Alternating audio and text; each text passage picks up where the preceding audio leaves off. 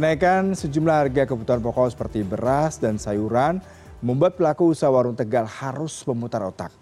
Pedagang makanan lauk pauk siap saji ini berencana menaikkan harga agar usahanya tidak merugi akibat melonjaknya harga sejumlah komoditas pangan. Dilansir oleh cnbc indonesia com ketua koperasi warteg nusantara mukroni mengatakan kenaikan harga pada sayuran bisa menjadi tantangan bagi usaha warteg karena sayuran merupakan salah satu bahan makanan utama dalam hidangan yang mereka sajikan. Mukroni menambahkan ada peluang untuk menaikkan harga makanan di warteg. Para pedagang makanan lauk pauk siap saji ini diminta untuk memantau harga di pasar secara berkala untuk mengetahui tren harga. Jika harus menaikkan harga diharapkan para pengusaha warteg menginformasikan kepada pelanggan selain itu mukroni menyarankan agar para pelaku usaha warteg membuat rencana menu untuk meminimalisasi kerugian.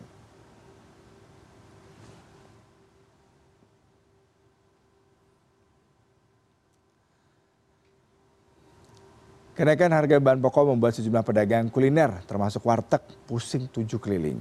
Para pedagang warteg kian was was dengan kenaikan harga cabai dan sayuran yang pastinya akan berimbas pada ongkos produksi pasalnya kenaikan harga pangan ini tidak hanya satu ribu atau dua ribu tapi juga ada yang lebih dari sepuluh ribu rupiah. Mau tak mau pengusaha warteg harus putar otak antara memilih menaikkan harga dagangannya atau mengurangi jumlah porsi yang dijual. Nah siap siap nih bagi anda yang selama ini penggemar warteg karena cita rasa enak dan ramah di kantong untuk menganggarkan dana lebih. Atau nih dari para pengusaha warteg punya cara untuk mensiasati hal ini untuk membahas ini telah hadir melalui sambungan virtual Mukroni, Ketua Koperasi Warteg Nusantara. Selamat pagi Pak. Selamat pagi, Tidak. Ya Pak, ini harganya melonjak terus ya kebutuhan dari sayur mayur terutama cabai selain beras.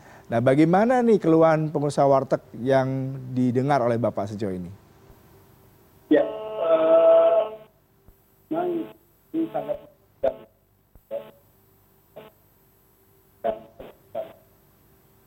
pertama ini naiknya spontan ya.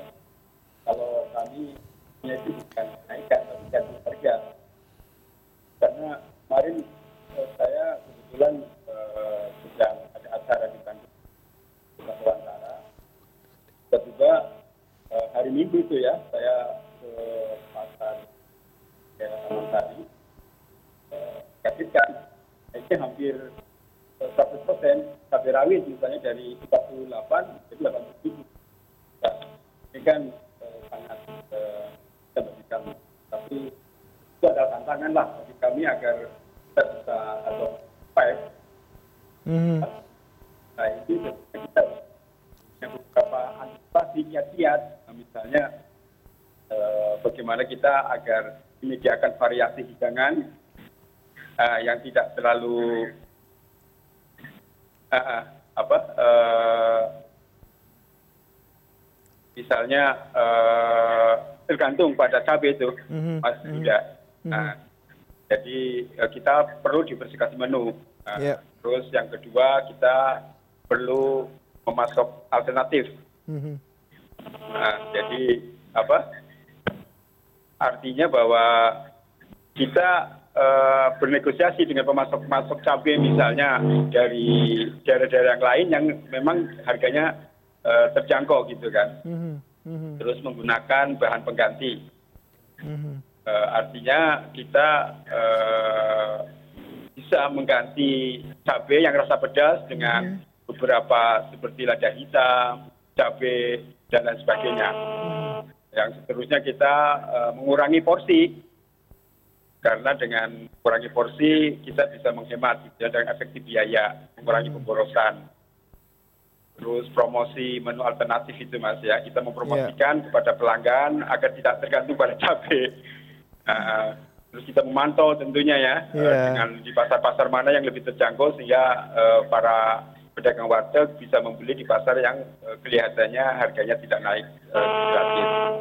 Mhm. Terus yang kita dengan kondisi sekarang ini eh, yang naiknya harga-harga cabai.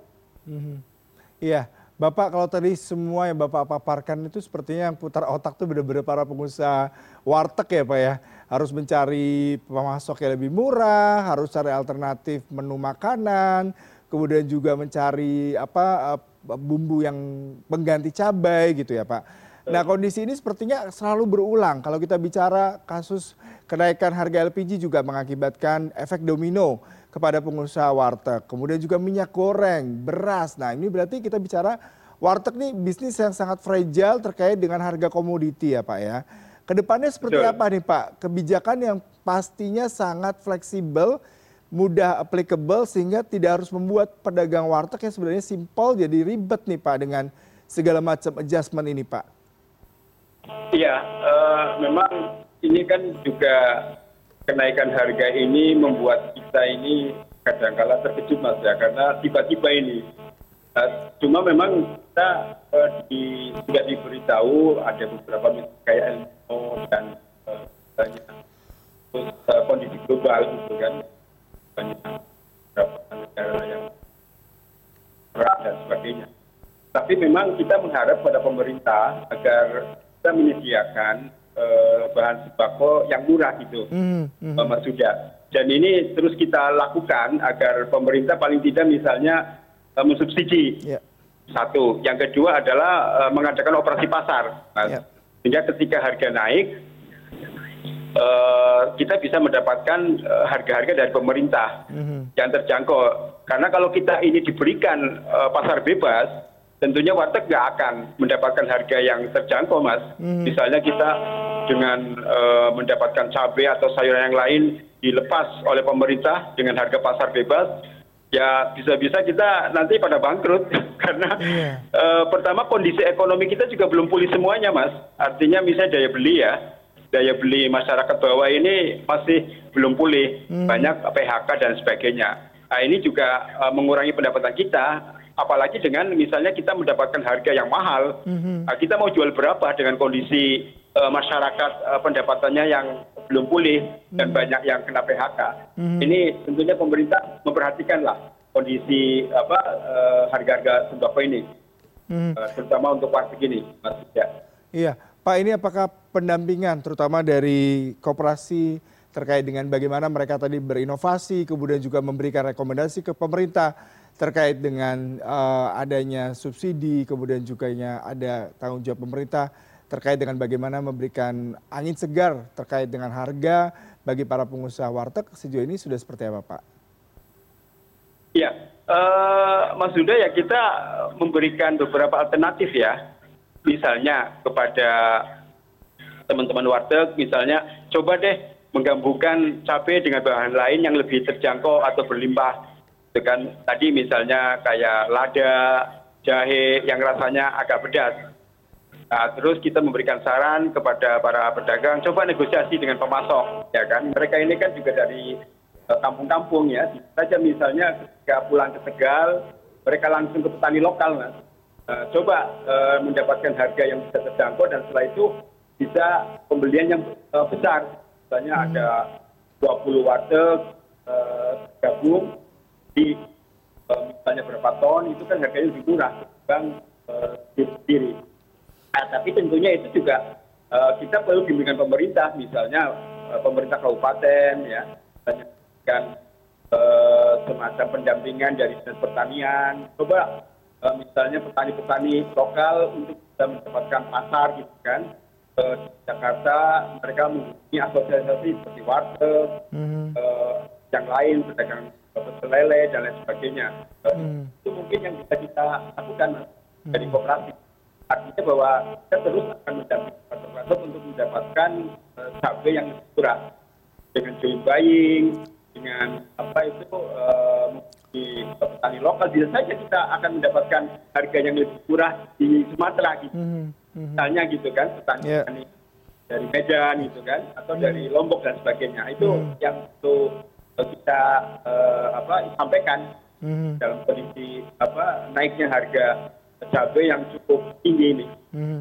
Iya, Pak terakhir nih, kan sekarang sepertinya lagi tren juga ya terkait dengan waralaba warteg. Nah, apakah dengan sistem moda bisnis seperti ini bisa membantu para pengusaha uh, warteg untuk bisa survive di saat uh, kondisi kenaikan harga pangan atau justru harus cari strategi lain nih Pak sehingga bisa uh, mengurangi dampak dari kenaikan harga pangan, Pak? Ya, saya tidak banyak berkomentar mas karena kebetulan yang kami istilahnya anggota itu warteg konvensional pemilik pribadi gitu. jadi untuk waralaba itu kan ya kalau kita hitung dari lima puluh ribu warteg ya paling seribu ya. Jadi eh, jumlah juga kecil. Tetapi ya terus kami sarankan bahwa kita kerjasama lah. Karena waralaba-waralaba ini kan pemiliknya kan lumayan misalnya bos-bos ya yang punya anggaran barangkali bisa membantu warteg-warteg konvensional dalam pembelian. Nah, artinya misalnya warteg yang waralaba itu memberikan eh, ya tenggang rasa kepada warteg-warteg konvensional untuk memberikan tadi pembelian cabai nanti share ke teman-teman yang tetangga itu dengan harga yang dia beli dengan banyak gitu mas. Nah, itu yang kita harapkan kalau ada kerjasama antara warteg-warteg waralaba yang tadi pembeli Sudah. Baik Pak Muhroni, Ketua Koperasi Warteg Nusantara, terima kasih Pak. Semoga bisa dicarikan solusi tepat untuk juga melindungi nasib para pedagang warteg ya tadi jumlahnya sampai puluhan ribu ya Pak di Indonesia. Ya. Salam sehat selalu Pak. Makasih Mas Yuda. Selamat siang.